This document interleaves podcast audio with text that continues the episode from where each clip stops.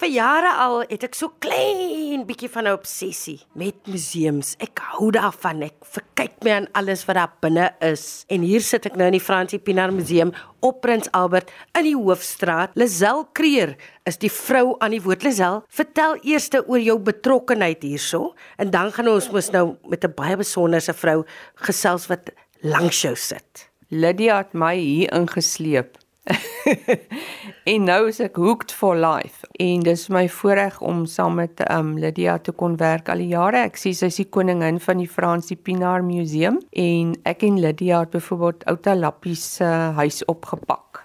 Lydia Barella is regtig 'n merkwaardige vrou. Um sy het my baie geïnspireer en haar toewyding is eintlik wat vir my so besonder is want vir soveel jare het al hierdie museum bestuur opgebou ehm um, fondse ingewin en ja hulle Lydia gaan jou vertel van 'n wonderlike toekenning wat hulle gekry het In 2017 het ons museum die beste museum in die Wes-Kaap toekenning gekry. Die mense wat betrokke is by ons museum of was, baie van hulle is oorlede het met passie gewerk, met hulle hart gewerk en jy sien dit hierso. As jy Fransie Pinaar, die vrou wat die versameling regtig gemaak het, vandat sy 'n kind was, het sy versamel. Sy het uh 90 jaar oud geword en tot 2 jaar voor haar dood was sy self die kurator gewees. En toe na haar was daar ander vrouens wat ook gehelp het. Daar was Frida Haak wat in die huis waar ons versameling nou is gewoon het. En toe was daar Helena Marinkewitz wat uitstallings gemaak het. En almal van hulle het met hulle hart gewerk. Maar dit is hoekom Lisel nou van jou praat want jy werk ook met jou hart, né? Van waar daai intense liefde en passie vir iets soos hierdie. Prins Albert het 'n baie interessante geskiedenis en ek het 38 jaar gelede hier kom woon in Prins Albert van Kaapstad af. En die museum het my dadelik het dit my getref. Ons is die argief van hierdie dorp in hierdie museum. Kom ons stap 'n bietjie deur Outa se museum of sy vertrek wat ehm um, Lydia hulle vir hom laat aanbou het. Hy het nou sy eie vertrek in die museum. So kom ons gaan besigtig dit gou. Hoe lank gelede is Outa Lappies oorlede? 2011 is Outa in September oorlede die groot bekommernis was dat Outa se kosbarehede bewaar moet word. Uh, hy het op Prins Albert wegstasie gewoon, né? En die huis het aan die uh uh spoorweë behoort en hulle wou die huis weer verhuur. So hulle wou sy goed uit die huis uit hê. Tot ons museum besluit ons moet iets doen en Lazelle het kom help om te op te pak alles, ons het alles opgepak. Daar het niks agtergebly nie. Ja, dit moes 'n proses gewees het, né? Wow. 'n Groot dag gewees, lang dag, ja. ja. Nou kom ons gaan, ons gaan loer bietjie. Ooh, hoor hoe maak hy vloere? Dis nou 'n lekker museumvloer gevoel daai. Lydia, dit was mos 'n hospitaal gewees, né? Hierdie huis. Ja, dit was eers die huis van Jan Haak hy was die hotel eienaar en in 1906 het hy toe die uh, eiendom gekoop en hy het toe dit vergroot na 'n Victoriaanse huis. En sy seun wat 'n prokureur geword het en vir 40 jaar lank hier gepraktiseer het, het die eiendom geërf en toe hy in die 50er jare aftree, toe sy weg van Prins Albert. Toe verkoop hy dit aan die gesondheidskomitee van Prins Albert, die plaaslike gesondheidskomitee. En vir bietjie meer as 20 jaar tot in die laat 70er jare was dit toe die hospitaal. Toe word daar 'n nuwe hospitaal gebou en toe is hierdie ou gebou amper afgebreek.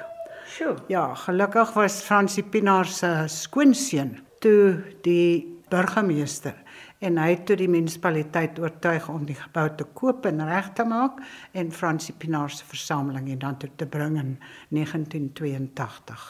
O, oh, hospitaal. Wie sou nou dit gedink het? Ja nee, dis vir my verstommend en dis die mooiste goed in hierdie in hierdie museum, hoor. So as jy nou hier inkom, sal jy sien Hierdie is nou soos van die die ontvangsarea van Outa se uitstalling. Hier's ook ander kunstenaars van die gemeenskap en hier is die interessantste hoede van hierdie kunstenaar, Piet Baleli, wat hierdie hoedens gemaak het, fascinerend met poppies op en allerlei goedjies.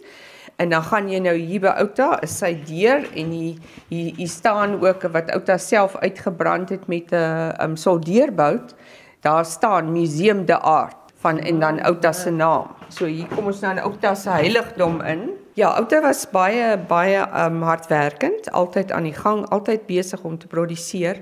So in hierdie is net 'n gedeelte van sy werk. So daar is nog baie van sy werk wat in stoor is. En ek moet sê, ons was so bevoordeel dat Clive Ray, um, wat nou geïmigreer het, hy het al hierdie kaste vir ons geskenk.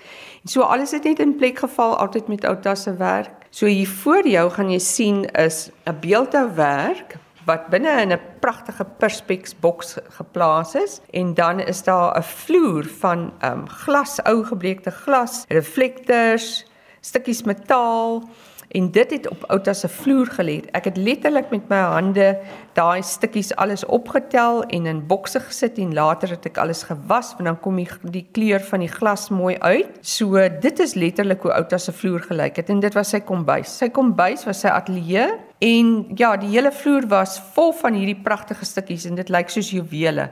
Soos die son in die lig nou inskyn, kan jy sien die lig val altyd deur die glas. Jy sal sien hierso so metaal, dit lyk soos 'n brons item En dit het ek gevind aan die voorkant van Outa se waantjie wat hy altyd op sy regtig op sy skouers getrek het. En toe ons die waantjie geskuif het vir 'n voorloper uitstalling moes drie jong mans daai waandjie trek. Outa het dit alleen getrek. Jessie. En daai pragtige brons um, dekorasie was voor op die waandjie. Dan sien jy tem soos hierdie pragtige brons um, leeuvoetjies, die klokkie, die hondjie was altyd in sy gang. Dit is so dis alles elemente wat ek ken want ek ken al die goed in sy huis. Ek het deur gestap uit my toegelaat en hierdie um, paartjie wat jy sien was sy ma en pa. So ek het ek het Jan Skooman was Outa se regte naam. Um, hy het homself egter Outa Lappies altyd genoem of partykeer het homself Ousie genoem. Verskillende name. En die eerste woorde was aan my my kind jy moet nooit moedeloos word nie. En jou hande moet altyd besig bly. So sy sy sleutel woorde was altyd om iets uit niks te maak want hy het gemors gebruik om wonderlike kunswerke te skep soos jy kan sien. Hier is lanterns dit lyk soos sulke lampies wat um, gemaak is met bamboes ou met 'n ou um, stukke blik. Hier's tot 'n werkie daarbo sal jy sien wat met doemblikkies hy het die doemblikkies oopgesny en dan daar so sulke sulke ehm um, vliee op want dis met 'n doemblikkie gemaak. Daai is een van my gunsteling stukkies. So hy was outa was ook 'n entrepreneur. Hy hy was soveel dinge. Hy was 'n ehm um, hy het geveg vir menseregte. Hy het mense verteenwoordig in die hof. Hulle sake beveg. Dan het hy ook ehm um, geborduur.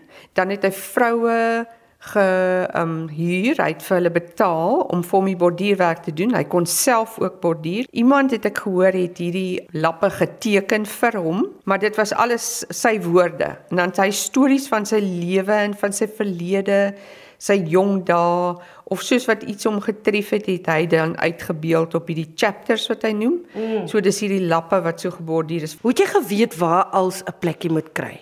Want omdat ek Outa soveel jare geken het, ek het letterlik 'n dokument gemaak van alles wat in die huis was in my kop en ek doen navorsing oor Outa al 20 jaar. Sy lapwerk is in een kategorie, sy beelde is in 'n ander kategorie. Ehm um, sy hoede is in 'n kategorie. Jy sal sien hy het die eienaardigste hoede gemaak en gedra. Sy maatjies gespot op skool of by Sondagskool.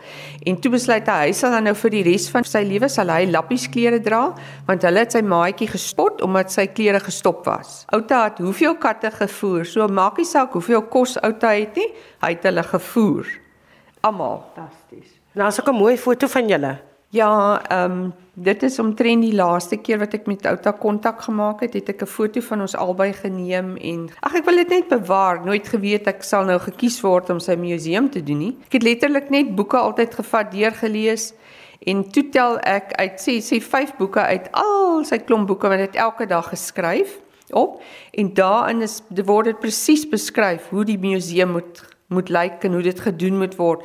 So het ek nog altyd gevoel dat dit was maar my taak. En ek is bly ek kon dit verlede jaar afhandel want Ek dink dit was dit sou iets gewees het wat my altyd gepla het totdat dit plaasvind. Nou kyk oor die jare net het ek al die goed um versamel, skoon gemaak. Ek het letterlik hiernatoe gekom vir weke dan maak ek net skoon en dan stoor ons weer. En ons het 'n voorloper uitstalling gehad. So baie van die goed is toe skoon gemaak en uitgesorteer. Maar verlede jaar het ek so vir 3 weke hier gekom en alles geïnstalleer binne daai 3 weke.